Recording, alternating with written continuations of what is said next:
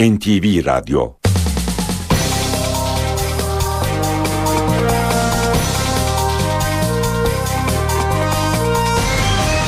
İşe Giderken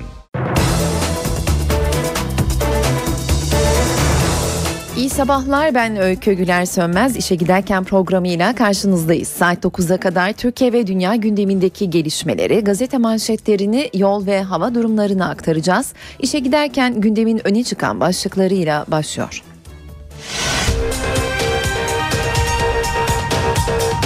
Bir ay sonra Türkiye'ye ikinci ziyaretini gerçekleştiren Amerikan Dışişleri Bakanı John Kerry, Başbakan Erdoğan ve Dışişleri Bakanı Davutoğlu ile görüştü. Gündemde Orta Doğu barışı, yeni anayasa ve çözüm süreci vardı.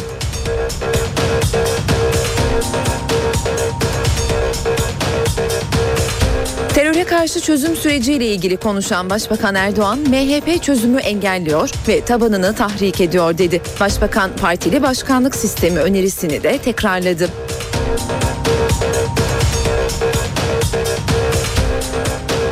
Başbakan'a yanıt veren MHP Genel Başkanı Devlet Bahçeli, çözüm sürecinde atılan adımlara tepki gösterdi. Akil insanlar heyetine de görevi iade edin çağrısı yaptı.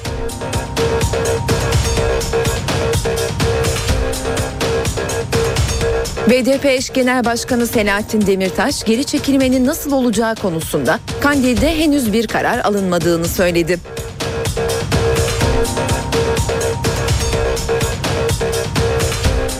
Meclis Başkanı Cemil Çiçek bugün dört partinin Anayasa Uzlaşma Komisyonu üyeleriyle bir araya gelecek. Toplantıda uzlaşılamayan maddelere ilişkin yol haritası görüşülecek.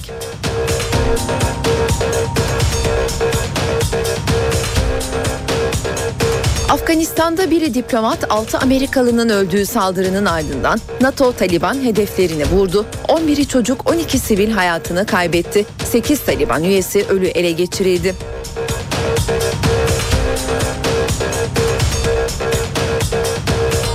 İstanbul'da tarihi Emek sinemasının yıkılmasına tepki gösteren gruba polis biber gazı ve tazikli suyla müdahale etti. Sanatçıların da destek verdiği gösteride 4 kişi gözaltına alındı.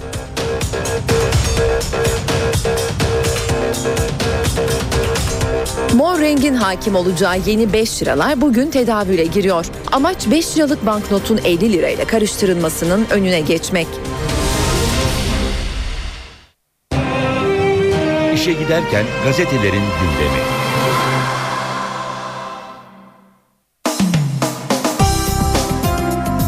İşe giderken gazetelerin birinci sayfalarından haberler aktaracağımız basın turuyla devam ediyor. Milliyet gazetesiyle başlayalım basın turuna. Hamas'ı ikna edin çağrısı başlığını tercih etmiş Milliyet manşetinde Ankara'yı Orta Doğu'da masaya oturmaya davet eden Amerikan Dışişleri Bakanı Kerry, Hamas'ın şiddeti reddedip İsrail'i tanıması için ikna edilmesini bekliyor deniyor. Hemen yanında ise Kemal Kılıçdaroğlu'nun fotoğrafı artık kredi bitti başlığıyla yer bulmuş. Sürecin başlangıcında Başbakan'a açtığı kredinin tükendiğini söyleyen CHP lideri sağduyuyla izliyoruz ama Erdoğan'a güvenmiyoruz dedi diyerek ayrıntılandırmış Milliyet Milliyet haberini.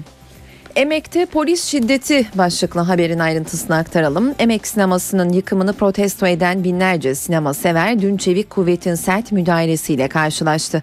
Sinemanın sokağına girmek isteyen sinema severlere çevik kuvvet tarafından tazikli su, biber gazı ve tekmelerle müdahale edildi. Usta yönetmen Costa Gavras da emeği korumak isteyenlerin yanındaydı denilmiş Milliyet'in haberinde. Hürriyete geçelim. Ya gelip bizi vururlarsa başlığı göze çarpıyor manşette. Sayıları bugün 48 bine ulaşan korucuların çoğu çözüm sonrası kan davasının hedefi olmaktan korkuyor deniyor.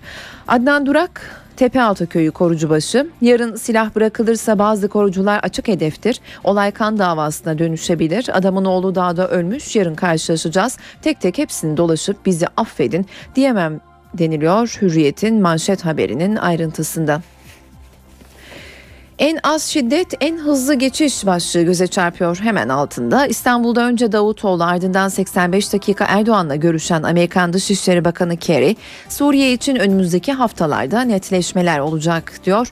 Haberin ayrıntısını aktaralım. Bakan Davutoğlu Türkiye'den sonra İsrail ve Filistin'e gidecek olan Kerry ile iki devletli çözümü ele aldıklarını anlattı. Kerry ise İsrail-Türkiye uzlaşması ile ilgili biz bu ilişkiyi görmek istiyoruz çünkü Orta Doğu istikrarı için çok önemli yorumunu yaptı.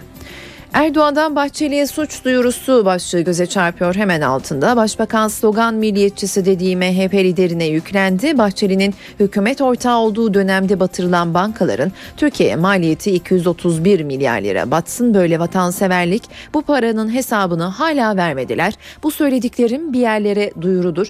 Merak ediyorum bu yargı ne iş yapar denerek Başbakan Erdoğan'ın açıklamasından alıntı yapmış Hürriyet gazetesi. Vatanla devam edelim. Vatanın manşetinde ise Özal'ı nasıl öldürürüm başlığı kullanılmış. Savcının Özal'ı öldürmekle suçlanan Ergenekon tutuklusu emekli Tuğgeneral Levent Ersöz o dönem Ankara'da değil Şırnak'taydım dedi iddiayı reddetti. Ersöz'ün 5 sayfalık ifadesine ulaşıldı. Özal'ın öldüğü 93'te Şırnak 23. Sınır Tugayı'nda görevli olduğu söyleyen Ersöz, otopsi yapılıp yapılmamasına, sonrasında delillerin yok edilmesine etki etmem olanaksız dedi. Ersöz iddianameye müşteki olarak giren Semra ve Ahmet Özal'ın dinlenmesini istedi. Semra Hanım kayınpederime manevi kardeşim der. Oğlu Ahmet kayınpederimin evine gelir giderdi diyerek ayrıntılandırmış vatan manşetinde yer verdiği haberini. Sabrın bir sınırı var başlığı Amerikan Dışişleri Bakanı John Kerry ve Başbakan Erdoğan'ın fotoğrafıyla yer bulmuş vatanın birinci sayfasında. Erdoğan AK Parti'nin yeni anayasa teklifiyle teklifinde yer alan başkanlık sistemi için bürokratik oligarşinin belini çok rahat kırar diye konuştu. MHP lideri Bahçeli'ye yüklendi. Bize ve akil insanlara hakaretler yağdırıyor. Susuyor olmamız sabrımızdandır ama sınırı var deniyor vatanın haberinde. Rahat uyu baba biz buradayız başlığı göze çarpıyor. Hemen yanında yüzbaşı Gaye ile kardeşi Üsteğmen Levent Ağrı Doğu Beyazıt'ta babalarının şehit düştüğü Tugay'da birlikte görev yapıyor denmiş bu haberin de devamında. Radikal ise birinci sayfasında özel bir habere yer, yer veriyor. Yargıya inat iki misli inşaat başlığı kullanılıyor. Çevre ve Şehircilik Bakanlığı Bakırköy'den sonra Çamlıca'da da yürütmeyi durdurma kararına rağmen yeşil alan olan bir arazide inşaat hakkını ikiye katladı.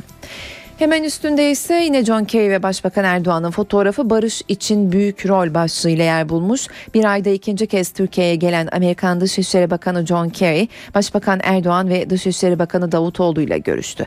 Kerry, Türkiye'nin Orta Doğu barış sürecinde önemli bir rol oynayabileceğini söyledi. Hemen yanında ise emek protestosuna sert müdahale başlığını kullanmış radikal.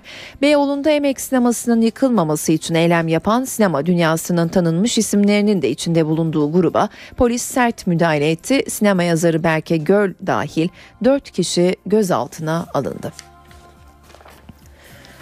Cumhuriyet gazetesi ise adaleti arama günü başlığını tercih etmiş. Manşetinde Silivri'de bugün toplanacak on binler hukukun ayaklar altına alınamayacağını haykıracak. Ayrıntısını aktaralım. Ergenekon davasında savcının mütalasının ardından bugün görüşülecek olan duruşma için Silivri'ye yurdun dört bir yanından siyasi parti, sanatçı, sivil toplum örgütleri ve yurtseverlerden oluşan on binlerce kişi akın edecek denmiş. Hemen altında ise Orta Doğu acelesi başlığını kullanıyor Cumhuriyet. Amerikan Dışişleri Bakanı Kerry, Türk-İsrail ilişkileri Suriye ve İran'a yönelik mesajlar verdi. Kerry dün İstanbul'da Başbakan Erdoğan ve Dışişleri Bakanı Davutoğlu ile bir araya geldi. Türkiye-İsrail ilişkilerinin hızla normalleştirilmesi yönünde çağrı yapan Kerry, Orta Doğu'da istikrar için hayati müttefik olarak gördükleri bu iki ülkenin ilişkisinin önemli olduğunu söyledi. Emekçilere gaz bombası başlığını kullanmış hemen altında. Emek sinemasının yıkım projesine karşı çıkmak için düzenlenen yerli ve yabancı çok sayıda yönetmen, oyuncu ve yazarın katıldığı eyleme polis gaz bombası ve tazikli suyla müdahale etti. Çıkan çatışmada bazı eylemciler gözaltına alındı. Biber gazından yönetmen Erden Kral da etkilendi. İstanbul Kültür Sanat Vakfı polisin orantısız güç kullanmasını kınadı diyerek ayrıntılandırmış Cumhuriyet Gazetesi haberine. Habertürk'se manşetinde yaşlıya saygı yalan çıktı başlığını tercih ediyor. Türkiye'de bakıma muhtaç 3 milyon yaşlı var. Çoğu fiziksel ve psikolojik şiddet görüyor. Yılda 250 yaşlı sokağa atılıyor. Akdeniz Üniversitesi Gerontoloji Bölümü araştırmasına göre Türkiye'deki 3 milyon muhtaç yaşlının 800 bini bunama hastası ve yaşlıların sadece 30 bini profesyonel bakım hizmeti alıyor diyerek ayrıntılandırmış. Manşetinde yer verdiği haberini. Batan banka hesabını ver. Erdoğan'ın Başbakan Erdoğan'ın açıklamasından alıntı yapılan bir başlık. Başbakan Bahçeli'ye çattı. Hükümet ortağı olduğu dönemde batan bankaların maliyeti 231 milyar lira. Batsın böyle vatanseverlik. Daha hesabını vermedi. Merak ediyorum bu yargı ne iş yapar deniyor. Hemen yanında ise CHP'liden yarım destek başlığı yer bulmuş.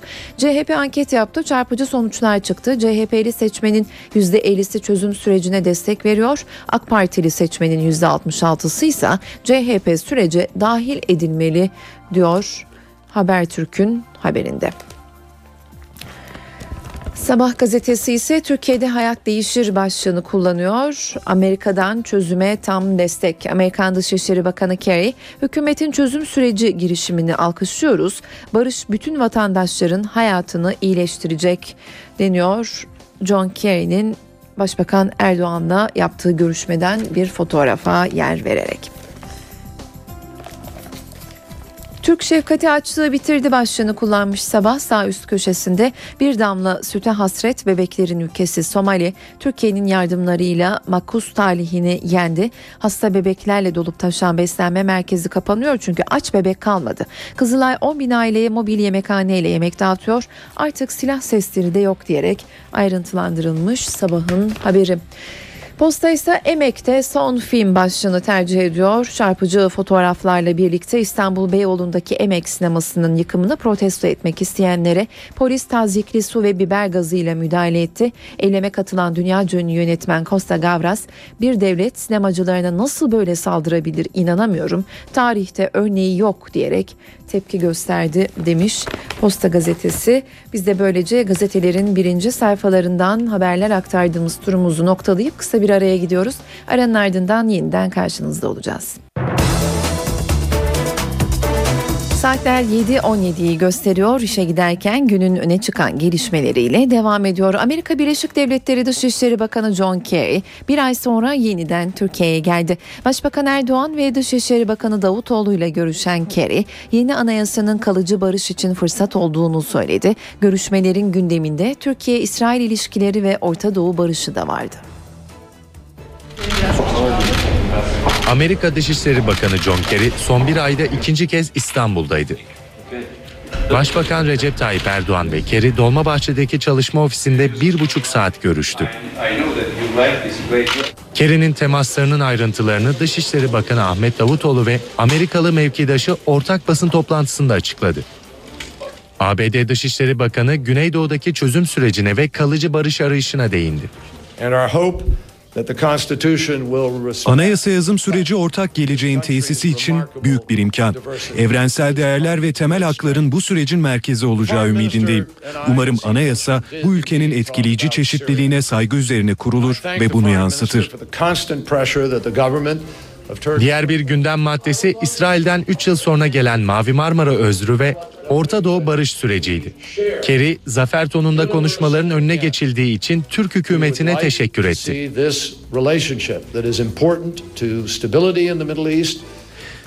İki ülke ilişkilerinin tüm bileşenleriyle yoluna girdiğini görmek istiyoruz. Varılan anlaşmadaki tazminat koşulu karşılanmalı. İki ülke büyükelçileri görevine dönmeli ve tam bir ilişki sağlanmalı. Davutoğlu, İsrail-Filistin sorununun çözümü için iki devletli çözüm formülüne vurgu yaptı. Başbakanın Gazze ziyaretini değerlendirdi. Sayın Başbakanımızın Gazze yaptığı ziyaret, yapacağı ziyaret hem de e, bölgedeki yeni momentumda e, başlatılacak süreçler birbirini alternatif veya birbirine zarar verici süreçler aksine birbirini tamamlayan ve e, nihai kertede Filistin'in yaşayabilir bir devlet olarak kurulmasına dönük adımlar olarak telakki etmek icap eder. Dışişleri Bakanı Suriye'de Esad rejimine karşı daha fazla destek istedi ve kısa vadedeki yol haritasını açıkladı. Suriye konusunu tabi beklendiği gibi yine kapsamlı şekilde ele aldık ve en kısa süre içinde bir Suriye Dostları grubunun bir çekirdek grup toplantısını yapmanın gerektiği konusunda da mutabık kaldık. Erdoğan ve Kerry görüşürken protesto düzenleyen bir grubun üyeleri gözaltına alındı. Amerikan Dışişleri Bakanı John Kerry Türkiye temaslarının ardından Filistin'e geçti ve Devlet Başkanı Mahmut Abbas'la görüştü. Yaklaşık bir buçuk saat süren görüşmede Filistin-İsrail barış müzakerelerinin yeniden başlaması konusu ele alındı. Kerry bugün de Filistin Başbakanı Selam Fayyad'la görüştükten sonra İsrail'e geçecek ve İsrail Cumhurbaşkanı Şimon Peres'le bir araya gelecek. Kerry'nin İsrail Başbakanı Benjamin Netanyahu ile randevusuysa yarın. İşe giderken Siyasetin gündeminde ise teröre karşı çözüm arayışları var. Başbakan Erdoğan mesajlarını dün İstanbul'da verdi. Muhalefetin özellikle de MHP'nin tavrını eleştiren Başbakan, MHP çözümü engelliyor ve tabanını tahrik ediyor dedi. Başbakan Erdoğan partili başkanlık sistemiyle ilgili önerisini de iğneledi. Terörün sona ermesiyle istismar edeceği hiçbir alan kalmayan Bahçeli bir yandan çözümü engellemek bir yandan kendi tabanını sokağa dökmek için her türlü tahrike başvuruyor. Başbakan Kusura Recep. Tayyip Erdoğan tüm SİAD'ın ülke, 5. olan kongresinde sert mesajlar verdi. Çözüm süreci konusunda muhalefeti eleştirdi. Devlet Bahçeli'nin de Kemal Kılıçdaroğlu'nun da o 63 isme, o akil insanlar heyetine söz söyleyecek ne birikimi, ne kapasitesi, ne de kalibresi vardır. Bahçeli'nin vatan sevgisini salı günü grup toplantısında rakamlarla ortaya koyacağını söyleyen Başbakan Erdoğan, 3,5 yıl iktidarda kaldılar, bu ülkeyi nasıl çökerttiler dedi, yargıyı göreve çağırdı. Sayın Bahçeli'nin hükümet ortağı olduğu dönemde 2001 yılında batırılan bankaların Türkiye'ye maliyeti ne oldu biliyor musunuz değerli kardeşlerim? Bu millete ödettikleri 231 milyar liranın yani 231 katrilyon hesabını bugüne kadar vermediler. Bu söylediklerim benim aslında bir yerlere bir duyurudur. Tabii ben merak ediyorum. Bu yargı ne iş yapar diye. Erdoğan partili başkanlık sistemi önerisini de yineledi. Cumhurbaşkanı partili olsun. Niye? Çünkü cumhurbaşkanlarının zayıf olması da doğru değil. Eğer partisi arkasında durur, onu güçlü kılarsa onun da karar alma noktasındaki gücü çok daha farklı olacaktır. MHP Genel Başkanı Devlet Bahçeli'den Başbakan Erdoğan'a yanıt Osmaniye'den geldi. Bahçeli çözüm sürecinde atılan adımlara tepki gösterdi. Akil insanlar heyetine de görevi iade etme çağrısı yaptı. çözüm ve analar ağlamasın yalanıyla milleti kandırmaya çalışıyor. Sayın Başbakan ben İmralı'yla görüşmedim, görüşmüyorum diyordu. Şimdi ise neredeyse akraba olacak. Bu 63'ler hem kendinizi kirletiyor, hem lekeliyor, hem de ülkemize ihanet ediyorsunuz. Bu ihanet yedi soyunuzdan çıkmaz. Bu oyuna düşmeyin. Şimdi aldığınız görevi Sayın Başbakan'a iade edin. Bizi ihanete ortak edemezsiniz deyin. BDP eş genel başkanı Selahattin Demirtaş, Abdullah Öcalan'ın mektubunu Kandil'e götürdükten sonra Erbil'de basın toplantısı düzenledi. Demirtaş geri çekilmenin nasıl olacağı konusunda Kandil'de henüz bir karar alınmadığını söyledi. Kandil'dekilerin süreçle ilgili kaygıları olduğunu da belirten Demirtaş, hükümete çağrı yaptı. Önümüzdeki günlerde Başbakan Erdoğan'ın yapacağı açıklamayı bekliyoruz dedi. BDP lideri Öcalan'ın mektubuna yazılacak cevabı Ankara'ya ve İmralı'ya götüreceklerini ve Öcalan'ın son bir değerlendirme yapacağını da ifade etti. Demirtaş sürece herkesin destek vermesi gerektiğini vurguladı ve sürece destek olmak AK Parti'ye veya BDP'ye destek anlamına gelmez diye konuştu. AK Parti Genel Başkan Yardımcısı Hüseyin Çelik, Kürt vatandaşlarımızın makul istekleriyle PKK'nın isteklerini birbirinden ayıralım dedi. Yıllarca bazı yanlış politikalarla birçok insanın PKK'nın kucağına itildiğini söyleyen Çelik, Ahmet Türk'ün soyadını Türk yapmakla biz Ahmet Türk'ü Türk mü yaptık diye sordu. genel olarak iradeyi, milli iradeyi rahatsız edecek bir taviz vermedik, vermeyiz. Bunu herkes böyle bilsin. Ha bu arada Kürt vatandaşlarımız da Kürt vatandaşlarımızın makul, meşru, mantıklı talepleriyle PKK'yı ve PKK'nın isteklerini de birbirinden ayıran maalesef memleketimizde yıllarca yanlış politikalar var. Birçok insanı da PKK'nın kucağına gitmişiz. Adam düğününde Kürtçe şarkı çaldığı için polis gidip orayı basıyordu arkadaşlar. Ben o, o bölgenin çocuğuyum. İşte biz isimleri değiştirerek bazı şeyleri değiştirdiğimizi zannettik. Mesela Ahmet Türk'ün soy ismini biz Türk yapmakla Ahmet Türk'ü Türk mü yaptık? Ha soruyorum size. Ahmet Türk Türk mü oldu soy ismi Türk olunca? Başbakan Yardımcısı Bülent Arınç siyaseti bırakıyor. Gelecek dönem siyasette olmayacağını söyleyen Arınç, yaklaşan yerel seçimler, çözüm süreci ve tutuklu milletvekillerine ilişkin açıklamalar da yaptı. Başbakan Yardımcısı Bülent Arınç, gelecek seçimler siyasette yokum dedi. Kanal 24'te konuşan Arınç, yaklaşan yerel seçimleri değerlendirdi. AK Parti tüzüğü gereği gelecek dönem milletvekili adayı olmayacak başarılı kişilerin yerel yönetimlerde görev alması makul bir düşünce. Ama ben ne milletvekili olacağım ne belediye başkanı. Ben bir dönem ara vereceğim. Ondan sonra da mümkünse artık siyasete elveda diyeceğim.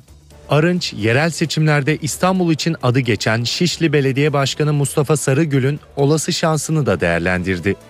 CHP ile işi zor Sarıgül'ün. Kendi başlattığı değişim hareketinde CHP'nin hep önünde, Kılıçdaroğlu'nun önünde puan kazandı. Kılıçdaroğlu Sarıgül'ün hep altında bir yer bulabildi. Ama ismiyle de CHP'nin adayı olarak da AK Parti'nin karşısında çok fazla şansı olduğunu düşünmüyorum. O yüzden olmayacaktır. Bülent Arınç çözüm sürecine ilişkin de değerlendirmelerde bulundu. Sürecin olumlu gittiğini, akil insanlara desteğin daha da artacağını söyledi. İşler tersine giderse başladığımız noktaya geri döneriz dedi. Meclis Başkanı Cemil Çiçek yeni anayasa çalışmalarına ilişkin son durumu anlattı. Çiçek bugün Anayasa Komisyonu üyeleriyle bir araya gelecek. Toplantıda uzlaşılamayan maddeler için formül aranacak. Bazı maddelerin müzakeresi yapıldı, e, mutabakat yok. Hangi yol ve yöntemle e, görüş birliği haline getirecekler. E, onu da yarın öğrenmiş olacağız. Değilse e, zaman sorunu çözmeye yetmez. Meclis Başkanı Cemil Çiçek pazartesi günü dört partinin Anayasa Uzlaşma Komisyonu üyeleriyle akşam yemeğinde bir araya gelecek. İçeriğinde uzlaşılamayan maddelere ilişkin yol haritası görüşülecek. Peki görüşmelerden anayasaya ilişkin yeni bir nihai tarih çıkar mı? Cemil Çiçek bu konuda tepkili. Sanki bir elbise dikiyoruz. Yarın sabah bunu dikmiş olacağız. Yani anayasa gibi bir konuyu böyle e, illa şu tarih bu tarih derseniz sıkıntımız oluyor. Ama uzamaması gerektiğinde söyledik. Siyasi partiler yeni anayasanın başlangıç bölümüne yönelik önerilerini Cuma günü Uzlaşma Komisyonu'na sundu. AK Parti yer alıp almayacağı tartışılan Türk milleti ifadesine yer verdi. Ancak değiştirilemeyecek hükümler ve Atatürk milliyetçiliği ifadesini yeni metne almadı. Devletin yönetim yapısının parlamenter sistemden başkanlık sistemine geçmesini önerdi. CHP ve MHP mevcut anayasadaki değiştirilemez hükümlerin aynen korunmasını istedi. BDP ise birlikte yaşama vurgusu yaptı, Türkiye halkı ifadesini kullandı. Devletin ikinci resmi dili olabileceğini öngördü, bölge meclisleri ve bölge başkanlıkları kurulmasını istedi. Bir ay sonra Türkiye'ye ikinci ziyaretini gerçekleştiren Amerikan Dışişleri Bakanı John Kerry, Başbakan Erdoğan ve Dışişleri Bakanı Davutoğlu ile görüştü. Gündemde Orta Doğu barışı, yeni anayasa ve çözüm süreci vardı.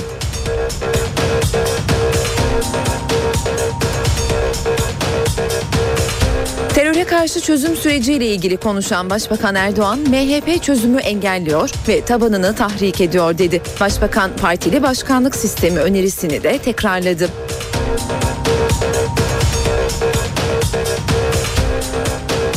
Başbakan'a yanıt veren MHP Genel Başkanı Devlet Bahçeli, çözüm sürecinde atılan adımlara tepki gösterdi. Akil insanlar heyetine de görevi iade edin çağrısı yaptı.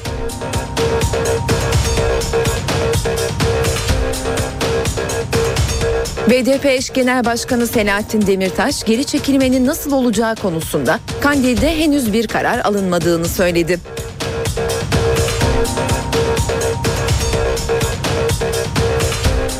Meclis Başkanı Cemil Çiçek bugün dört partinin Anayasa Uzlaşma Komisyonu üyeleriyle bir araya gelecek. Toplantıda uzlaşılamayan maddelere ilişkin yol haritası görüşülecek.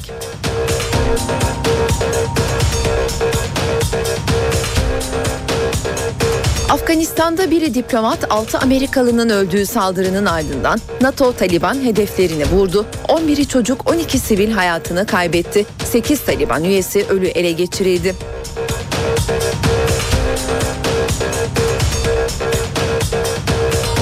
İstanbul'da tarihi Emek sinemasının yıkılmasına tepki gösteren gruba polis biber gazı ve tazikli suyla müdahale etti. Sanatçıların da destek verdiği gösteride 4 kişi gözaltına alındı.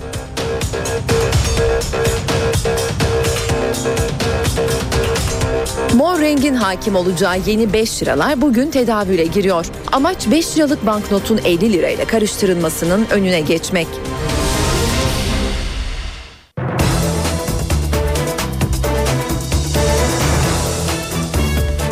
Saatler 7.36'yı gösteriyor. İşe giderken yol durumuyla devam ediyor. İstanbul, İzmir ve Ankara'da şu dakikalardaki yol durumunu aktarmaya çalışacağız. İstanbul'dan başlayalım. Önce köprüler diyelim ve Fatih Sultan Mehmet Köprüsü'ndeki trafiği aktaralım İstanbullu sürücüler için. Anadolu'dan Avrupa yakasına geçişte Küçük Bakkalköy'den Kozyatağı'ndan başlıyor trafik. Kavacığa kadar yoğun seyreden trafik köprü girişinde ve köprü çıkışında da aynı seyrini sürdürüyor. Avrupa yakasına geçişte köprüden sonra trafikte herhangi bir sıkışıklık göze çarpmıyor. Avrupa'dan Anadolu yakasına geçişte ise köprü girişindeki sıkışıklık köprü çıkışında Anadolu yakasına geçildiğinde rahat seyrini sürdürüyor. Birinci köprüye bakalım. Birinci köprüde Anadolu'dan Avrupa yakasına geçişte Kadıköy Altunizade'den Çamlıca yokuşundan başlıyor trafik. Buradaki bir kaza haberini de aktaralım hemen. D100 Uzunçayır koşu yolu yönünde bir trafik me- kazası meydana geldi. Yaralanmalı bir trafik kazası bu. İki şerit trafiğe kapatıldı. Kazaya müdahale ediliyor. Dolayısıyla burada trafik an itibariyle yoğunlaşmaya başlamış durumda. Köprü çıkışına kadar da bu yoğunluk, yoğun seyir devam ediyor. İstanbul'u sürücüler için Avrupa yakasında trafiğin yoğun olduğu bölgeleri de aktaralım. Edirne Kapı, Topkapı, Haliç istikametinde trafik yoğun olarak seyrediyor. Perpa Mecidiyeköy'e kadar bu yoğunluk devam ediyor. Yine aynı şekilde Avrupa yakasında Yeni Bosna, Florya Merter istikameti sürücülerin yoğun olarak trafiğe maruz kaldıkları bölgelerden İncirli'ye kadar trafik yoğunluğunu sürdürüyor bu bölgede de. Yine Avrupa yakasında tekstil kent hastalı istikameti Gazi Osman Paşa'dan itibaren yoğunlaşmaya başlıyor. Aksi istikamette de iki telliye do- doğru yine aksi istikamette de trafik çok yoğun olarak seyretmekte. İstanbul'daki trafik durumu İstanbul'u sürücüler için 7.38 itibariyle böyleydi. Ankara'ya bakalım şimdi de. Ankara'da Anadolu Bulvarı Keçiören Kavşağı arasındaki mesafe an itibariyle 13 dakikada alınabiliyor. Mevlana Bulvarı Etlik ise 8 dakikada kat edilebiliyor. Keçiören Kavşağı ile Anadolu Bulvarı arası ise 14 dakikada tamamlanabiliyor. Ankaralı sürücüler tarafından ve İvedik Kavşağı Celal Bayar Bulvarı arasını ise 8 dakikada tamamlamak mümkün. İzmir'e bakalım şimdi de Alsancak Bornova arası 14 dakikada alınabiliyor ve 7.40 itibariyle İzmirli sürücüler Bornova Alsancak arasını 14 dakikada tamamlayabiliyorlar yine. Üç Kuyular İzmir çevre yolu arasındaki mesafe ise 23 dakikada tamamlanabiliyor. Bornova Karşıyaka arasındaki mesafeyi ise yine 22 dakika gibi bir sürede almak mümkün. İzmir, Ankara ve İstanbul'daki yol durumu 7.40 itibariyle itibariyle böyleydi. İşe giderkene gazetelerin spor sayfalarından başlıklar aktararak devam edeceğiz.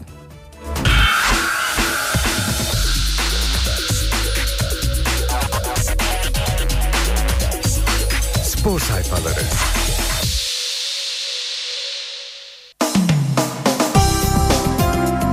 Gazetelerin spor sayfalarından haberler aktardığımız basın turuyla karşınızdayız. Milliyet gazetesiyle başlıyoruz. Her zaman olduğu gibi tura ve genç pilot başlığı göze çarpıyor. Ordu deplasmanında ecel terleri döken Fenerbahçe'yi 19 yaşındaki Yıldız'ı sırtladı diyor haber. Ayrıntısını aktaralım kısaca. Kümede kalmak için mutlak 3 puana ihtiyacı olan rakibi önünde maçın başında sayısız pozisyon veren Sarı Lacivertliler Salih Uçan'ın akıl dolu plasesiyle kendine geldi. Genç oyuncu ikinci yarıda muhteşem bir aşırtmayla galibiyeti de perçinledi. Fenerbahçe bu sonuçla lider Galatasaray'ı takibe devam etti deniyor haberin devamında. Hemen yanında ise karakter zaferi başlığı göze çarpıyor. Fenerbahçe Teknik Direktörü Kocaman galibiyet dışında hiçbir skorun işine yaramadığını bir maçı kazandıklarını söyledi. Zihinsel ve fiziksel olarak yorgun geldik ama oyuncuların büyük karakter gösterisi yaptılar diye konuştu demiş Milliyet haberinin ayrıntısında eyvah eyvah başlığı kullanılıyor Milliyet'in bir başka spor sayfasındaki haber için. Manisa deplasmanında Akhisar Belediyespor'a 3 puan veren Trabzonspor yeniden sıkıntılı bir sürece girdi. Düşme korkusundan kurtulamayan Bordo Mavililer ligde kalma yolunda son şansını kullanan rakibi karşısında etkili olamazken Karadeniz ekibini yıkan gol Gekas'ın ayağından geldi deniyor. Bu haberin de ayrıntısında hemen yan sayfada Fatih Terim'in fotoğrafı arena tutanakları başlığıyla yer bulmuş. Galatasaray'ın Mersin maçından sonra gerçekleştirdiği toplantıda yaptığı değerlendirmelere ulaşıldı. Sarı Kırmızılılar Fatih Terim'e sahip çıkarken genç hakemlerin baskı altında alındığı görüşünde birleşti diyor ve Beşiktaş cephesinden bir haberle devam edelim. UEFA lisansı için tüm evrakı tamamlayan siyah beyazlılar yine de gözetim altında tutulacak. 30 Eylül'e kadar yapılacak denetimde ödemeleri tamamlanmış görünürse Avrupa kapısı açılmış olacak denmiş Milliyet'in haberinde. Korkunç İvan çarpıcı bir başlık. Ayrıntısı şöyle. Acıbadem Erkekler Voleybol Ligi playoff çeyrek final ilk maçında Fenerbahçe ile Galatasaray'ın mücadelesi nefesleri kesti. Sarı lacivertlileri 44 sayıyla mücadeleyi tamamlayan Korkunç Ivan lakaplı Sırp yıldızı zafere taşıdı deniyor. 3-2'lik skor hatırlatılarak. Hemen yanında ise Fener'i Ermişler korudu başlığı göze çarpıyor. 4 galibiyeti bulunan ve kümede kalma şansı çok az olan Hacettepe Üniversitesi karşısında ecel terleri döken Fenerbahçe Ülker 27 sayı 10 asiste yıldızlaşan Barış Ermiş'le kazandı. 25. maçında 21. galibiyetine ulaştı deniyor. Milliyetin haberinin ayrıntısında. Hürriyet gazetesi var sırada. Hürriyet'in spor sayfalarına bakalım. Her yerde uçan Fener başlığı yine Salih Uçan'ın fotoğrafıyla kullanılıyor. Fenerbahçe'nin yeni starı Salih Uçan coştu, Ordu'da zafere koşuldu. Karadeniz deplasmanında iki kez fileleri havalandıran genç yıldız geceye damga vurdu. Türkiye Kupası ve Avrupa'da dolu dizgin ilerleyen Fenerbahçe şampiyonluk yarışında da Galatasaray'ı takibini sürdürdü denmiş haberin devamında. Düzineyi tamamladı başlıklı haberle devam edelim. 12. yenilgisini Akisar'dan alan Trabzonspor ligde 12.liğe geriledi. Tarihinin en kötü sezonunu yaşayan Bordo Mavililer Geçen hafta Antalya galibiyetiyle düzelen morallerini dün yine hayal kırıklığına bıraktı denmiş. Bu haberin devamında filenin kralı Kanarya başlıklı haberin ayrıntısı ise kısaca şöyle. Nefesleri kesen ve tam 5 set süren derbi maçta Fenerbahçe ezeli rakibi Galatasaray'ı dize getirdi. Hakeme hakaret temsilciye küfür başlığı göze çarpıyor. Fatih Terim'in fotoğrafıyla Terim'i asıl soyunma odasına giderken söyledikleri yakabilir diyor. Ayrıntısını aktaralım. Galatasaray Teknik Direktörü'nün kendisini tribüne gönderen hakem Süleyman Abay'ın üzerine yürürken hakaretlerde bulunduğu temsilci İbrahim İçer'e ise sinkaflı sözler söylediği ortaya çıktı. Bütün bunlar raporlara geçti diyerek ayrıntılandırmış Hürriyet gazetesi haberini. Tertemiz bir sayfa açılsın Beşiktaş cephesinden bir haber olayların gölgesinde kalmayan bir Bursa Beşiktaş maçı olsun. Bursa Valiliği 1600'ü polis 484'ü ise özel olmak üzere toplam 2084 görevlinin karşılaşma sırasında güvenliği sağlamak adına görev yapacağını açıkladı diyor haberinde. Habertürk Spor'sa birinci sayfada tam sayfa Salih Uçan'ın fotoğrafına yer veriyor ve Şehzade diyor başlığa. Avrupa'dan Asya'ya dört nala başarıdan başarıya koşan Fenerbahçe son olarak karşısına çıkan orduyu da dağıttı. Zaferin ardında ışıl ışıl parlayan genç Salih'in imzası vardı deniyor. 2-0'lık Fenerbahçe Ordu Spor karşılaşmasını ayrıntılandırdığı haberinde. Hemen altında ise Fatih Terim'in fotoğrafı 11 Ocak kurbanı e, başlığıyla yer buluyor. Mersin maçında kendisini tribüne gönderen Süleyman Aba'ya ateş püsküren Galatasaray'ın hocası Fatih. Böyle bir şey var mı? Önüne gelen bizi dışarı atıyor. Zaman stajyer hakem zamanı değil. Koskoca Terim'i atıyorsunuz demişti. Terim'i yakan talimat 11 Ocak'ta değişti. Antalya'daki hakem seminerinde bir teknik adam hakeme itiraz için elindeki bir şeyi fırlatırsa oyun alanından çıkartılması gerekir. Maddesi eklendi diyor. Habertürk Spor birinci sayfada gördüğü haberinin ayrıntısında.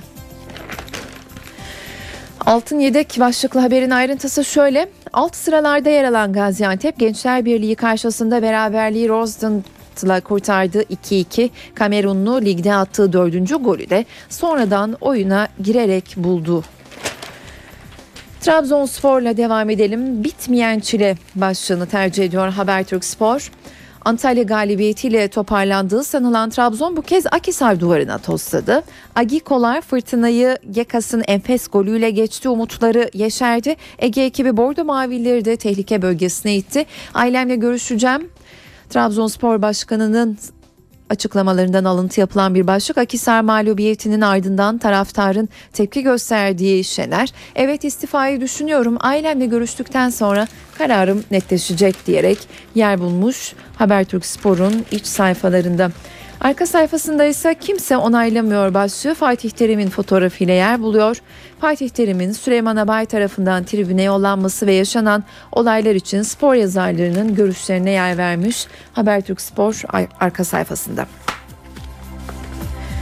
Vatan var sırada. Son olarak vatandan haberler aktaralım. Fener'den Ordu'ya uçan tekme başlığı yine Salih Uçan'ın fotoğrafıyla yer bulmuş. Sarı lacivertliler bu sezon ligde ilk kez 4'te 4 yaptı. Dipten çıkmak isteyen Karadeniz ekibinin umutlarına ağır darbe vurdu deniyor. Galatasaray'la fark bir puan başlıklı haberin ayrıntısı ise şöyle Fenerbahçe'nin milli sabiki Gökhan Gönül'den ezeli rakiplerine ince gönderme. Her şey rakibimizin puan kaybetmesine bakar çünkü onlarla evimizde oynayacağız. Yani aradaki puan farkı 4 değil 1 bence. Salih'in attığı ikinci gol bana ligi zirvede bitirdiğimiz sezon Antalya'ya attığım golü hatırlattı denmiş. Bu haberin ayrıntısında Vatan'ın spor sayfasında ve özür dilerim hocam başlıklı haberi aktaralım. Ligin ikinci yarısında sadece 165 dakika oynayabilen Hugo Almeida günah çıkardı. Sakatlığı nedeniyle idmanlara çıkamayan Portekizli hafta içinde tesislere geldi ve Aybaba'ya sarılıp hocam beni affet ikinci yarıda hiç katkı sağlayamadım deniyor. Bu haberde ve biz de bu haberle birlikte gazetelerin spor sayfalarından başlıklar haberler aktardığımız turumuzu noktalıyoruz. İşe giderken günün öne çıkan diğer gelişmeleriyle devam ediyor.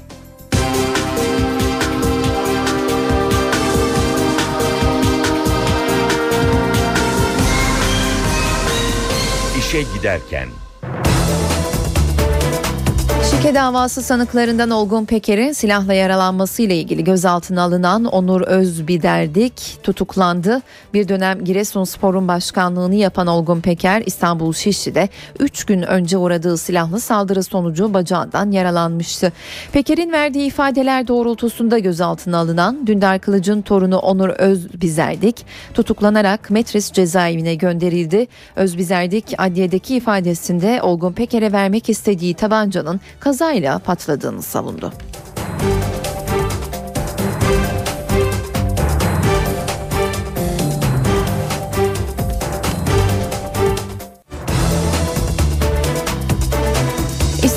Ümraniye'de toplanan bir grup 2B yasasını protesto etti. Yaklaşık 500 kişilik grup ellerinde pankartlarla yürüyüş yaptı ve AK Parti ilçe binası önünde toplandı.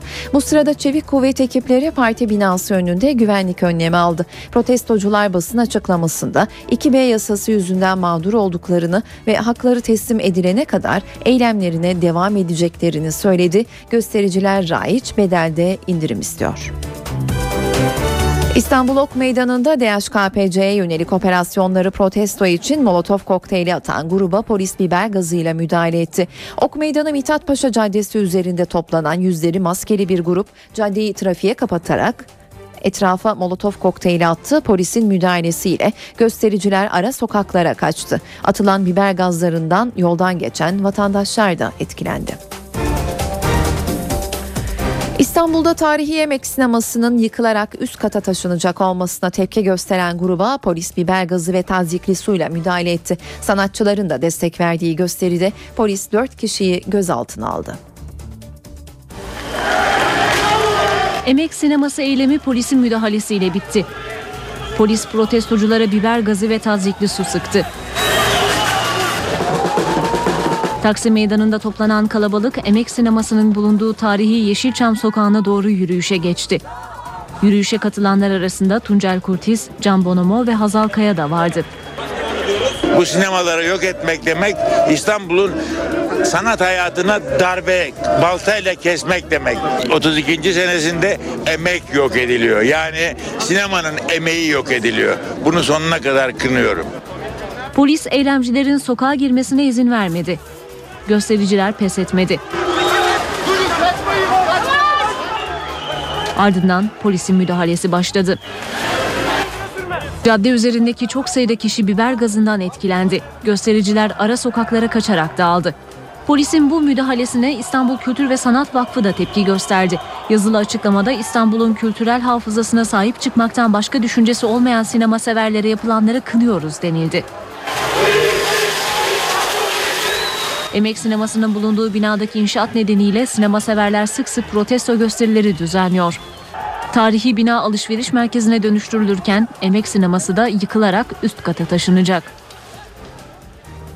Hakkari'nin Yüksekova ilçesinde gölet kenarında oynayan iki kardeş suda kayboldu. İkiz kardeşlerden birinin cesedine ulaşıldı. Amcalarıyla ava giden 11 yaşındaki ikiz kardeşler Beytullah ve Emrullah Temelli gölet etrafında oynarken kayboldu. Elbiselerinin gölet kenarında bulunması üzerine arama başlatıldı. Askeri helikopterin havadan yürüttüğü arama çalışmalarına Van'dan gelen kurtarma ekipleri de destek verdi. Ekipler akşam saatlerinde Beytullah Temelli'nin cesedine ulaştı. Diğer kardeşi arama çalışmaları ise sürüyor.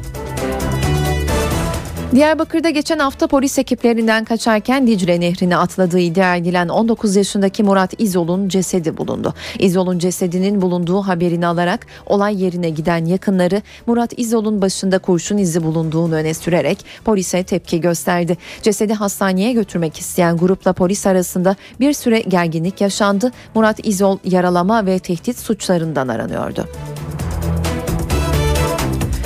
Emniyet Genel Müdürlüğü önemli kişileri koruma kurslarının programını genişletti. Yakın korumalar artık yalnız fiziksel veya silahlı saldırılara karşı değil, biyolojik ve kimyasal tehlikelere karşı da eğitiliyor. NTV Radyo. İşe giderken de az sonra Gökhan'a buradan son hava tahminlerini öğreneceğiz ama öncesinde günün öne çıkan başlıklarını hatırlayalım. Bir ay sonra Türkiye'ye ikinci ziyaretini gerçekleştiren Amerikan Dışişleri Bakanı John Kerry, Başbakan Erdoğan ve Dışişleri Bakanı Davutoğlu ile görüştü. Gündemde Orta Doğu barışı, yeni anayasa ve çözüm süreci vardı.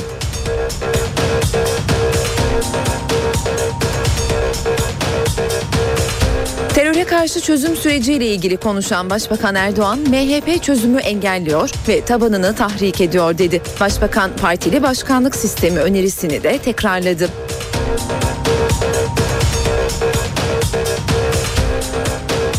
Başbakan'a yanıt veren MHP Genel Başkanı Devlet Bahçeli, çözüm sürecinde atılan adımlara tepki gösterdi. Akil insanlar heyetine de görevi iade edin çağrısı yaptı.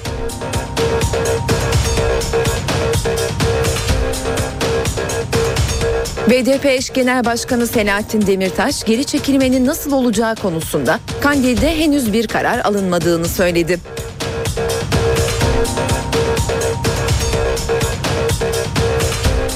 Meclis Başkanı Cemil Çiçek bugün dört partinin Anayasa Uzlaşma Komisyonu üyeleriyle bir araya gelecek. Toplantıda uzlaşılamayan maddelere ilişkin yol haritası görüşülecek.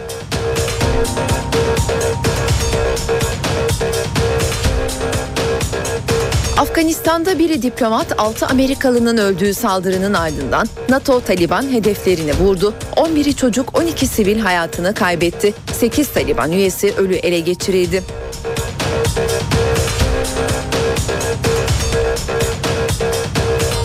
İstanbul'da tarihi Emek sinemasının yıkılmasına tepki gösteren gruba polis biber gazı ve tazikli suyla müdahale etti. Sanatçıların da destek verdiği gösteride 4 kişi gözaltına alındı.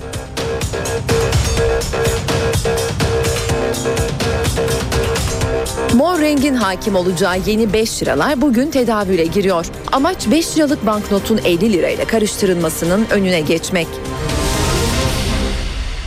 İşe giderken hava durumuyla devam ediyoruz. Son hava tahminlerini NTV Meteoroloji Editörü Gökhan Abur'dan öğreneceğiz. Günaydın Gökhan Abur. Günaydın.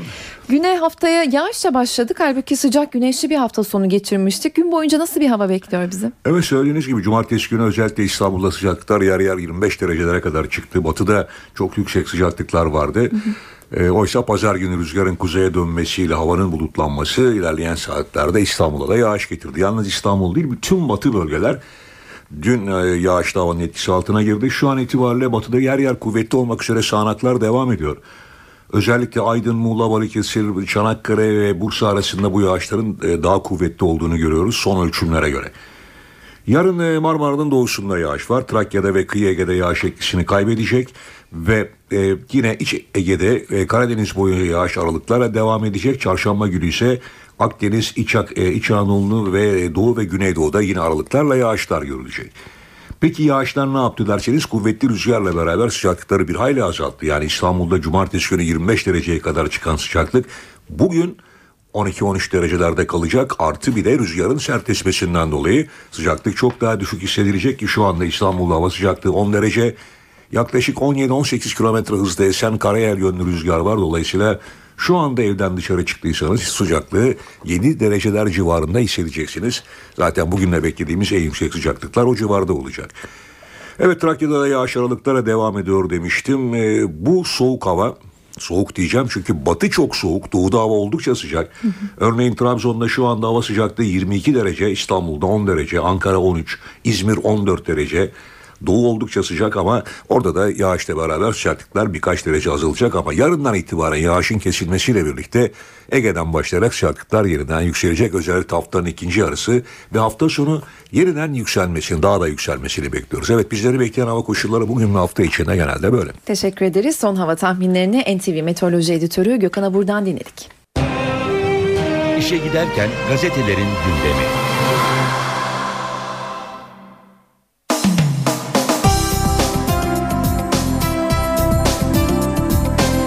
İşe giderken basın turuyla devam ediyor. Gazetelerin birinci sayfalarından haberler aktaracağımız turumuza Milliyet Gazetesi ile başlayalım. Hamas'ı ikna edin çağrısı başlığını tercih ediyor manşetinde Milliyet.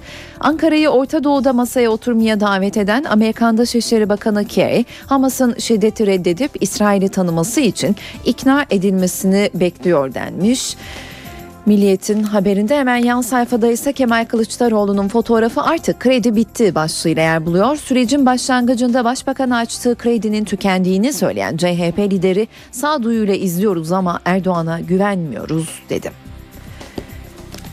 Siyaset korkaklara göre bir iş değil başlıklı haberle devam edelim. Başbakan Erdoğan tüm SİAD Genel Kurulu'nda siyasetin korkaklara göre olmadığını belirterek risk alınmazsa o ülke ileri doğru adım atamaz dedi deniyor ve hemen altında da emekte polis şiddeti başlığı yer buluyor.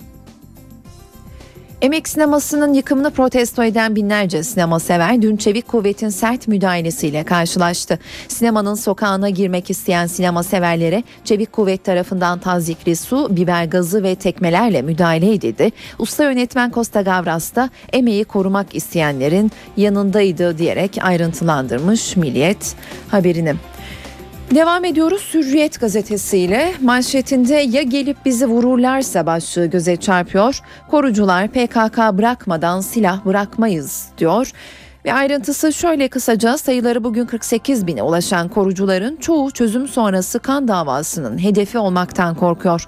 Adnan Durak Tepealtı Köyü korucubaşı yarın silah bırakılırsa bazı korucular açık hedeftir. Olay kan davasına dönüşebilir. Adamın oğlu dağda ölmüş yarın karşılaşacağız. Tek tek hepsini dolaşıp bizi affedin diyemem diyerek ayrıntılandırılıyor Hürriyet'in manşetindeki haber.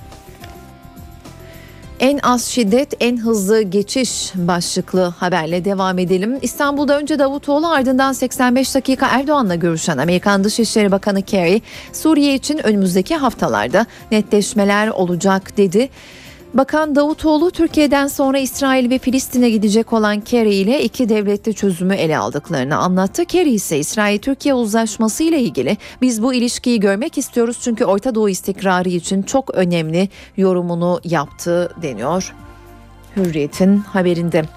Habertürk'se hayranlıkla izliyoruz başlığını tercih etmiş. John Kerry ve Başbakan Erdoğan'ın fotoğrafını yer verdiği haberinde Kerry'den Türkiye'ye büyük destek diyor alt başlık. Amerikalı bakan çözüm sürecinin bölgeyi de etkileyeceğini söyledi diyerek ayrıntılandırıyor haberini.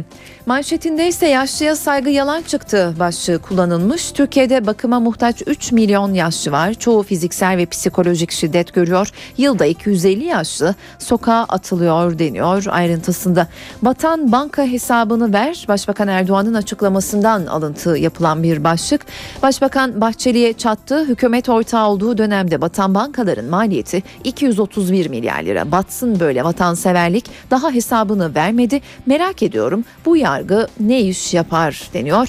Ve CHP'liden yarım destek başlıklı haberin ayrıntısıyla devam edelim. CHP anket yaptı. Çarpıcı sonuçlar çıktı. CHP'li seçmenin %50'si çözüm sürecine destek veriyor. AK Partili seçmenin %66'sı ise CHP sürece dahil edilmeli diyor denmiş bu haberin devamında. Vatan gazetesine bakalım. Özal'ı nasıl öldürürüm başlığı kullanılıyor manşetinde. Savcının Özal'ı öldürmekle suçladığı Ergenekon tutuklusu emekli Tuğ General Levent Ersöz o dönem Ankara'da değil Şırnak'taydım dedi. İddiayı reddetti. Ersöz'ün 5 sayfalık ifadesine ulaşıldı. Özal'ın öldüğü 93'te Şırnak 23. sınır tugayında görevli olduğunu söyleyen Ersöz otopsi yapılıp yapılmamasına sonrasında delillerin yok edilmesine etki etmem olanaksızdır dedi denmiş bu haberin devamında.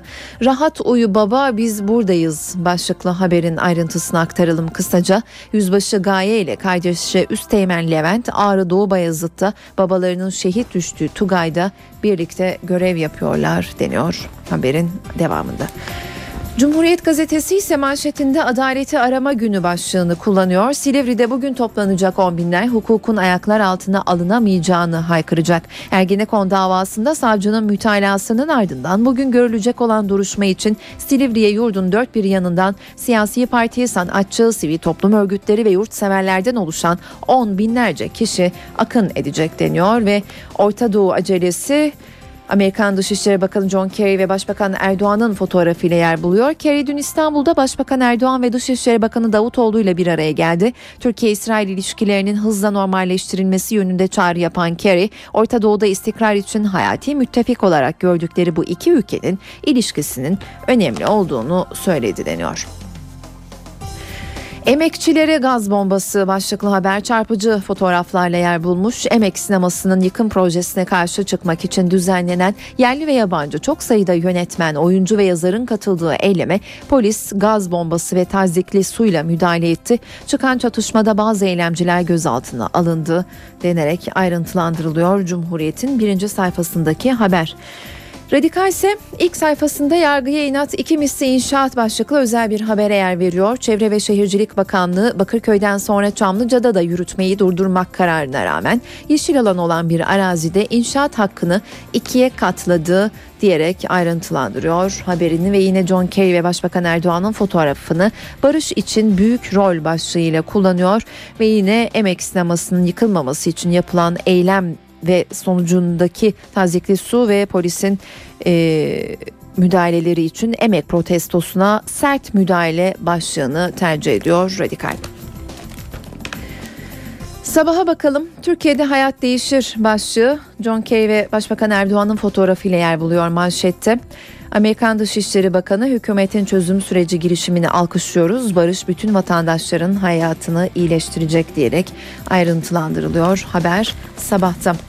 Posta ise Emek'te son film başlığını kullanıyor. Çarpıcı fotoğraflarla birlikte manşet haberinde İstanbul Beyoğlu'ndaki Emek sinemasının yıkımını protesto etmek isteyenlere polis tazikli su ve biber gazıyla müdahale etti. Eyleme katılan dünya ünlü yönetmen Costa Gavras bir devlet sinemacılarına nasıl böyle saldırabilir inanamıyorum. Tarihte örneği yok diye tepki gösterdi. Hemen altında ise hayatta güzel şeyler de oluyor diyor başlık. İnsanlığın ölmediğini gösterdiler diyen iki ayrı habere yer veriyor. Hüsamettin Hayriye Değer, annesi babası olmayan 42 yaşındaki zihinsel engelli Serap'a 20 yıldır çocukları gibi bakıyorlar. Çevredekilerin bununla uğraşılmaz, hayatınız çekilmez olur sözlerini aldırmayan çift, Serap'ı çok seviyoruz, asıl o olmazsa hayat çekilmez diyor. Bir diğer haberse Meral Meral Güldallı 2006'da doğum yaptıktan sonra bitkisel hayata girdi. Kocası Metin Güldallı hastanedeyken eşine nefes aldığın sürece yanında olacağım diye söz vermişti. Metin Güldallı doktorların uyanmasından umudu kestiği eşine 7 yıldır büyük bir özveriyle bakıyor diyerek ayrıntılandırmış posta haberini. Son olarak Yeni Şafak'a bakalım. Tehlikeli büyüme başlığı manşette göze çarpıyor.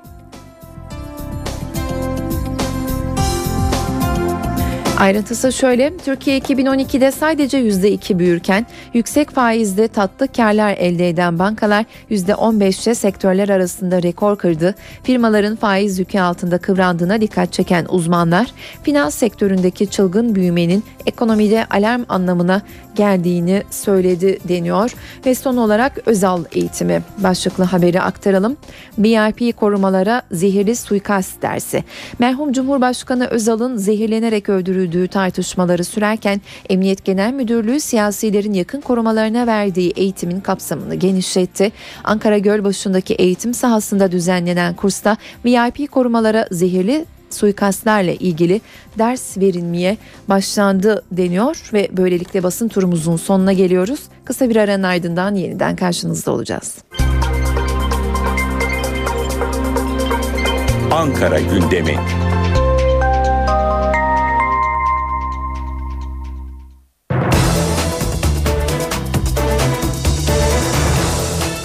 İşe giderken başkent gündemiyle devam ediyor. Ankara gündeminin ayrıntılarını bugün Özden Erkuş'tan alacağız. Özden günaydın. Günaydın, kolay gelsin. Yeni yasa, yeni anayasa çalışmalarında bugün yine önemli bir gün. Meclis Başkanı Cemil Çiçek Anayasa Uzlaşma Komisyonu üyeleriyle bir araya gelecek. Ayrıntıları senden dinleyebilir miyiz? Öykü aslında yeni anayasa çalışmaları başkentin en fazla tartışılan konularından biri oldu. Aslında anayasanın 2012'nin sonunda bitmesi planlanıyordu. Olmadı. Nisan ayının başı tarih olarak belirlendi. Yine olmadı. Bazı maddelerde uzlaşma sağlandı. Bazıları görüşüldü ama uzlaşılamadı. Bazı maddelerde hiç daha müzakere bile edilemedi. Peki ne olacak? Bundan sonrasına ilişkin nasıl bir yöntem izlenecek? İşte akşam saatlerindeki bir akşam yemeğinde konuşulacak, tartışılacak. Yemeğin ev sahibi Meclis Başkanı Cemil Çiçek konukları ise Anayasa Uzlaşma Komisyonu'nun üyeleri olacak. Akşam yemeğinde Çiçek ve 4 partinin uzlaşma komisyonu üyeleri uzlaşılamayan maddelere ilişkin görüşlerini yeniden ortaya koyacaklar ve bir yol haritası belirlemeye çalışacaklar. Görüşmede anayasaya ilişkin yeni bir nihai tarihin belirlenmesi beklenmiyor. Cemil Çiçek dün bir açıklama yapmıştı bu konuyla ilgili ve anayasada tarih olmaz. Elbise dikmiyoruz, çek vermiyoruz ama uzamaması da lazım diye konuşmuştu. Bu noktada hatırlatmakta fayda var. Siyasi partiler yeni anayasanın başlangıç bölümüne yönelik önerilerini Cuma günü uzlaşma komisyonuna sunmuştu. AK Parti önerisinde yer alıp almayacağı tartışılan Türk milleti ifadesine yer verilmiş. Ancak değiştirilemeyecek hükümler ve Atatürk milliyetçiliği ifadesi metne alınmamıştı. Devletin yönetim yapısının parlamenter sistemden başkanlık sistemine geçmesi önerilmişti AK Parti'nin önerisinde. CHP ve MHP mevcut anayasadaki değiştirilemez hükümlerin aynen korunmasını istemiş. BDP ise birlikte yaşama vurgusu yapmış. Türkiye halkı ifadesini kullanmıştı. İşte tüm bu detaylar bu akşamki yemekte yeniden masaya yatırılacak öykü. Peki Özden e, Bakanlar Kurulu da bugün toplanıyor. Ankara'nın rutin gündem başlıklarını da kısaca alabilir miyiz senden? Evet Bakanlar Kurulu toplanacak saat 14'te toplantı yapılacak ama öncesinde Erdoğan bazı bakanlarla İstanbul'da bir etkinliğe katılıyor. Birleşmiş Milletler Orman Forumu açılış töreninde konuşacak Başbakan Erdoğan. Beraberinde ise bakanlar Erdoğan Bayraktar, Mehdi Eker ve Veysel Eroğlu da olacak. Ardından Ankara'ya gelecek ve kabine toplantısına başkanlık edecek. Saat 14'te gündemde oldukça yoğun. Ana başlıkların geçtiğimiz hafta oluşturulan ve kamuoyuyla paylaşılan akil insanlar ve o heyetlerin yapacağı çalışmalar, 4, dördüncü kez adaya giden BDP'lilerin Öcalan'dan getirdiği mesajlar ve çekilme süreci olmasını bekliyoruz. Kurulda ayrıca hafta sonu bir ayın ardından ikinci kez Türkiye'ye gelen ABD Dışişleri Bakanı John Kerry'nin İsrail-Türkiye ilişkileri, Kıbrıs gibi konularda yaptığı temaslar hakkında da Davutoğlu'nun bakanlara bilgi vermesini bekliyoruz. Toplantıda bir diğer gündem maddesi elbette yeni anayasa çalışmaları olacak. Başbakan Erdoğan hatırlanacaktır. Nisan'a kadar tamamlanmazsa kendi yol haritamızı çizeriz demişti. İşte nasıl bir tutum belirleyecek Bakanlar Kurulu hükümet bu toplantıda e, değerlendirme yapılması bekleniyor. Ankara'da bugün ve hafta boyunca çözüm sürecinin de tartışılmasını bekliyoruz. Zira gözler yarın yapılacak süreç bilgilendirme oturumunda olacak. Muhalefetin bilgilendirilmiyoruz eleştirileri üzerine hükümet harekete geçmişti. Sürece ilişkin yürütülen çalışmaları yarın milletvekillerine Başbakan Yardımcısı Beşir Atalay'ın anlatması planlanıyor. Bunun yanı sıra CHP ve MHP'nin üye vermeyeceklerini açıkladığı çözüm sürecini değerlendirme komisyonunun da yine bu hafta kurulması bekleniyor. İşte Ankara'da tüm bu başlıklara dikkatlerin çevrilmesini bekliyoruz. Anayasa, çözüm süreci, akil insanlar gibi konu başlıklarına dair siyaset cephesine açıklamalar geleceğini tahmin etmek çok da güç değil. Son bir not daha ekleyelim Ankara gündeminden. O da ekonomi cephesinden. TÜİK 2013 Şubat ayına ilişkin sanayi üretim endeksinde açıklayacak. Bugün Ankara'da öne çıkan gündem başlıkları bu şekilde olacak öykü. Özden teşekkürler kolay gelsin.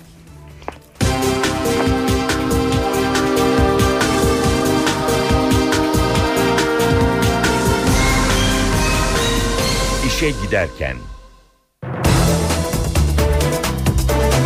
İşe giderken yol durumuyla devam ediyor. İstanbul, Ankara ve İzmir'de 8.24 itibariyle son yol durumunu, trafik bilgilerini aktarmaya çalışalım kısaca. İstanbul'dan ve köprülerden başlayalım.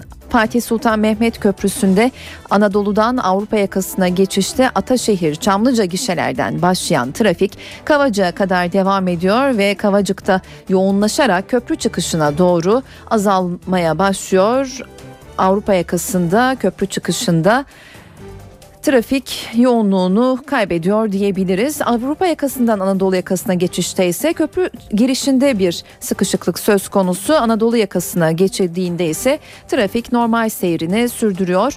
Birinci köprü Boğaziçi Köprüsü'ne baktığımızda ise önce bir e, trafik kazası haberini aktaralım. D100 Uzunçayır koşu yolu yönünde bir trafik kazası meydana geldi demiştik. Yaklaşık bir saat önce e, yaralanmalı bir trafik kazasıydı bu. Kazaya müdahale ediliyor ve dolayısıyla o bölgede trafiğin yoğunlaştığını söyleyebiliriz. Dolayısıyla e, Acıbadem Köprüsü itibariyle başlayan bu trafik birinci köprü çıkışına kadar Boğaziçi Köprüsü çıkışına kadar yoğunluğunu sürdürüyor. Ta ki Mecidiyeköy'e kadar Mecidiyeköy'den sonra hafif bir rahatlama söz konusu trafikte ve yine Ok Meydanı'nda trafik e, yoğunlaşmaya başlıyor. Zira burada da bir trafik kazası söz konusu. Haliç Otakçılar yönündeki maddi hasarlı trafik kazası nedeniyle bir şerit trafiğe kapatıldı. Ekipler buraya sevk edilmiş durumda ve trafik burada da burada da oldukça fazla. Birinci köprüde Avrupa yakasından Anadolu yakasına geçişte ise e, köprü girişinde ciddi bir yoğunluk var. Köprü çıkışında azalıyor. Hatta Haliç Köprüsü'nden e, başlayan bu sıkışıklık Çağlayan'a kadar devam ediyor. Çağlayan'dan Mecidiyeköy'e kadar aynı yoğunlukla e, seyreden trafik yoğunluğu birinci köprü girişi de oldukça yoğunlaşıyor ve çıkışta da Anadolu yakasına geçildiğinde de trafiğin açıldığını söylemek mümkün. İstanbul'un sürücüler için Avrupa yakasında trafiğin yoğun olduğu bazı noktaları aktaralım. İki telli tekstil kent istikametinde trafik çok yoğun olarak seyrediyor. Hastala doğru devam eden bu trafik e, yoğunluğunu sürdürüyor. Ters istikamette de yine aynı şekilde trafik çok yoğun. Mahmut Bey'den başlayan bu yoğunluğun iki telliye kadar sürdüğünü ekleyelim hemen. Zira Şirin Evler, Sefaköy, Bakırköy istikametinde de trafik oldukça yoğun seyrediyor. Aynı şekilde tam tersi istikamette de trafiğin çok yoğun olduğunu, sıkışık olduğunu aktaralım. Bakırköy Şirinevler istikametinde. İstanbul'da şu an itibariyle trafik durumu bu şekildeydi. Ankara'ya bakalım. Ankara'dan birkaç önemli noktadaki trafiğin e, durumunu şu şekilde aktarmaya çalışalım. Anadolu Bulvarı Keçiören Kavşağı arasındaki mesafe an itibariyle 14 dakikada tamamlanabiliyor. Mevlana Bulvarı Etlik arası ise 10 dakikada kat edilebiliyor. Keçiören Kavşağı Anadolu Bulvarı arasındaki mesafe ise 31 dakikada tamamlanabiliyor. İvedik Kavşağı Celal Bayar Bulvarı arasındaki mesafenin ise şu an 12 dakikada tamamlanabildiğini belirtelim. Ankara'da İzmir'e geçelim. İzmir'de ise Karşıyaka Buca arası şu an 38 dakikada tamamlanabiliyor. Alsancak Üçkuyular Vapur iskelesi arasındaki mesafe 15 dakikada yine Alsancak Bornova arasındaki mesafe yine 15 dakikada tamamlanabiliyor. Alsancak Karabağlar, Alsancak e, Bornova arasındaki mesafe ise aksi istikamette Bornova Alsancak arasındaki mesafe her ikisi de 19 dakikada tamamlanabiliyor. Son olarak Bornova Konak istikametinin ise şu an 24 dakikada tamamlanabildiğini aktaralım. İstanbul, İzmir ve Ankara'daki yol durumları 8.28 itibariyle bu şekildeydi. Sürücülere son dakika bilgilerini aktardık. İşe giderken günün öne çıkan diğer gelişmeleriyle devam ediyor.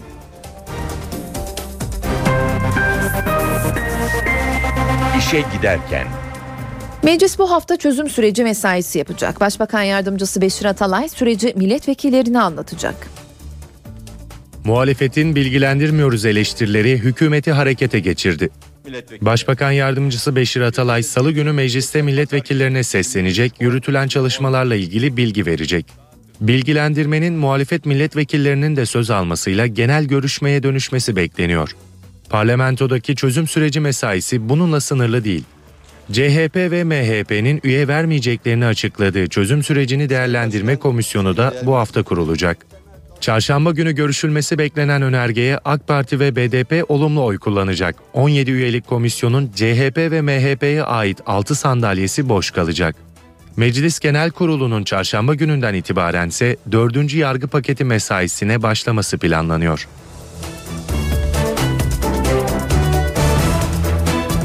Terör sorununun bitirilmesi için başlatılan süreci anlatmak üzere Güneydoğu'ya giden AK Parti heyeti dün Siirt'te görüşmeler yaptı.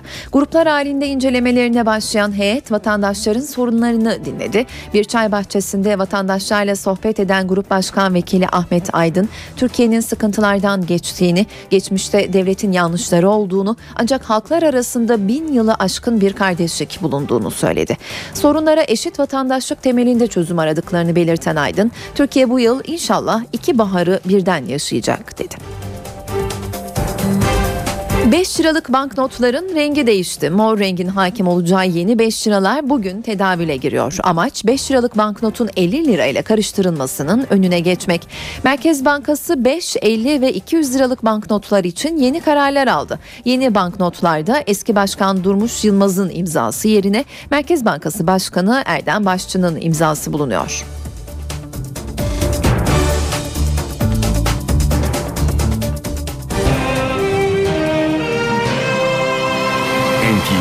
Radyo Para ve sermaye piyasalarının geçen haftayı nasıl kapattığına bakalım. Yeni adıyla Borsa İstanbul 100 BIST 100 endeksi günü önceki kapanışa göre 141 puanlık 1.141 puanlık sert bir düşüşle tamamladı. 82.071 puandan kapanmıştı. Borsa İstanbul geçen hafta bankalar arası piyasada dolar 1.79.48, euro 2.33.54 liradan satıldı. Euro dolar paritesi 1.27 seviyelerindeydi. Dolar yen paritesi ise 94 seviyelerinde seyretti. Uluslararası piyasalarda altının onsu 1567 dolardan işlem gördü. İç piyasada Cumhuriyet altını 616, çeyrek altın 152 liradan alıcı buldu. Brent tipi ham petrolün varil fiyatı ise 107 dolardan işlem gördü. Şimdi kısa bir araya gideceğiz ama aranın öncesinde günün öne çıkan başlıklarını hatırlayalım. Bir ay sonra Türkiye'ye ikinci ziyaretini gerçekleştiren Amerikan Dışişleri Bakanı John Kerry, Başbakan Erdoğan ve Dışişleri Bakanı Davutoğlu ile görüştü. Gündemde Orta Doğu barışı, yeni anayasa ve çözüm süreci vardı.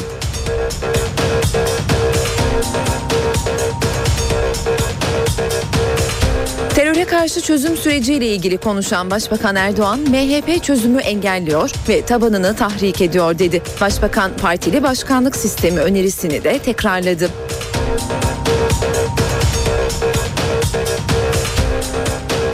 Başbakan'a yanıt veren MHP Genel Başkanı Devlet Bahçeli, çözüm sürecinde atılan adımlara tepki gösterdi. Akil insanlar heyetine de görevi iade edin çağrısı yaptı.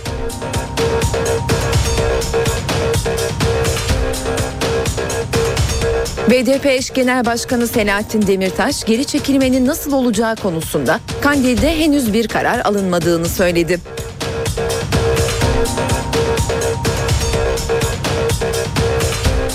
Meclis Başkanı Cemil Çiçek bugün dört partinin Anayasa Uzlaşma Komisyonu üyeleriyle bir araya gelecek. Toplantıda uzlaşılamayan maddelere ilişkin yol haritası görüşülecek.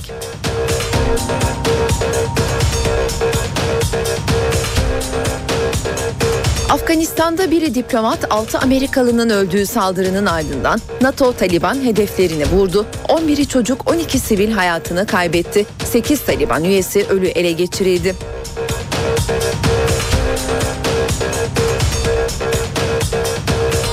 İstanbul'da tarihi Emek sinemasının yıkılmasına tepki gösteren gruba polis biber gazı ve tazikli suyla müdahale etti. Sanatçıların da destek verdiği gösteride 4 kişi gözaltına alındı.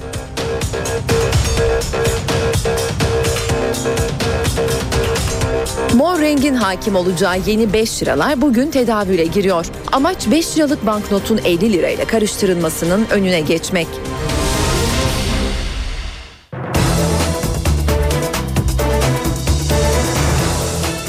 İşe giderken günün öne çıkan diğer gelişmeleriyle devam ediyor. Amerika Birleşik Devletleri Libya'dan sonra Afganistan'da da bir diplomatını kaybetti. 25 yaşındaki genç kadın diplomat Afganistan'da bombalı saldırıda 4 Amerikalı ile birlikte yaşamını yitirdi. Saldırıyı Taliban üstlendi. En Simedingov, Afganistan'da görev yapan 25 yaşında Amerikalı bir diplomattı. 4 Amerikalı ve bir Afgan doktorla birlikte Zabul eyaletinde bir okulda öğrencilere kitaplar götürüyordu. Ancak kitaplar adrese ulaşamadı. Genç diplomatın da içinde bulunduğu araç saldırıya uğradı. Saldırıdan kurtulan olmadı. Saldırıda yaşamını yitiren Ensi Medingov daha iki hafta önce Amerikan Dışişleri Bakanı John Kerry'e Afganistan ziyareti sırasında eşlik etmişti.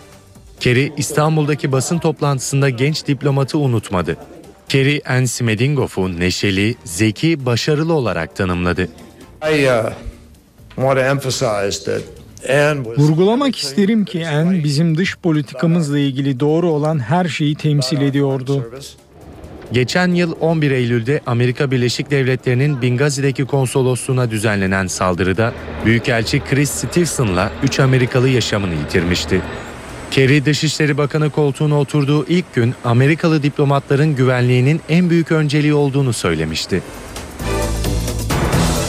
Afganistan'da 6 Amerikalının öldüğü saldırının ardından NATO Taliban hedeflerini vurdu. 11'i çocuk 12 sivilin öldüğü belirtiliyor. Afgan yetkililer Kunar eyaletine düzenlenen saldırıda yaşları 1 ila 14 arasında olan 11 çocuğun öldüğünü açıkladı. Koalisyon güçlerinden gelen talep üzerine hava saldırısı düzenlendiğini açıklayan NATO güçleri ise sivil kayıplarla ilgili kesin bir bilgi sahibi olmadıklarını duyurdu. Hafta sonu aynı bölgede 4'ü diplomat 5 Amerikalıyı taşıyan konvoya saldırı düzenlendi. Saldırıda 5 Amerikalı yaşamını yitirdi. Ülkenin doğusundaki bir başka saldırıda da Amerikalı bir sivil öldü. Mısır'da Kıptiler ve Müslümanlar arasındaki çatışmalarda yaşamını yitiren 4 Hristiyan için cenaze töreni düzenlendi. Tören sonrası sokaklar savaş alanına döndü. Mısır'da tansiyon yüksek. Kalyubiye'deki çatışmalar sırasında ölen 4 Kıpti'nin cenaze töreni sonrası sokaklar karıştı. Cenazeden çıkan Kıptilerin Mısır Cumhurbaşkanı Muhammed Mursi ve İslam karşıtı sloganlar atması Müslümanların tepkisine neden oldu. Gerginlik kısa sürede Müslümanlar ve Kıptiler arasında çatışmaya dönüştü. Güvenlik güçlerinin müdahale ettiği çatışmada ölen ve yaralananlar oldu. Cenaze sonrası Hristiyanlar Müslümanları provoke eden sloganlar attı. Karşılıklı hakaretler başladı. Kısa süre sonra çatışma çıktı. Hristiyanlar bize taş attı ve araçları ateşe verdi. 5 milyondan fazla Hristiyanın yaşadığı Mısır'da gerginlik, Kıpti çocukların bir din okulunun duvarına yazı yazmasıyla başladı. Hafta sonu devam eden çatışmalar sonucu 6 kişi yaşamını yitirdi.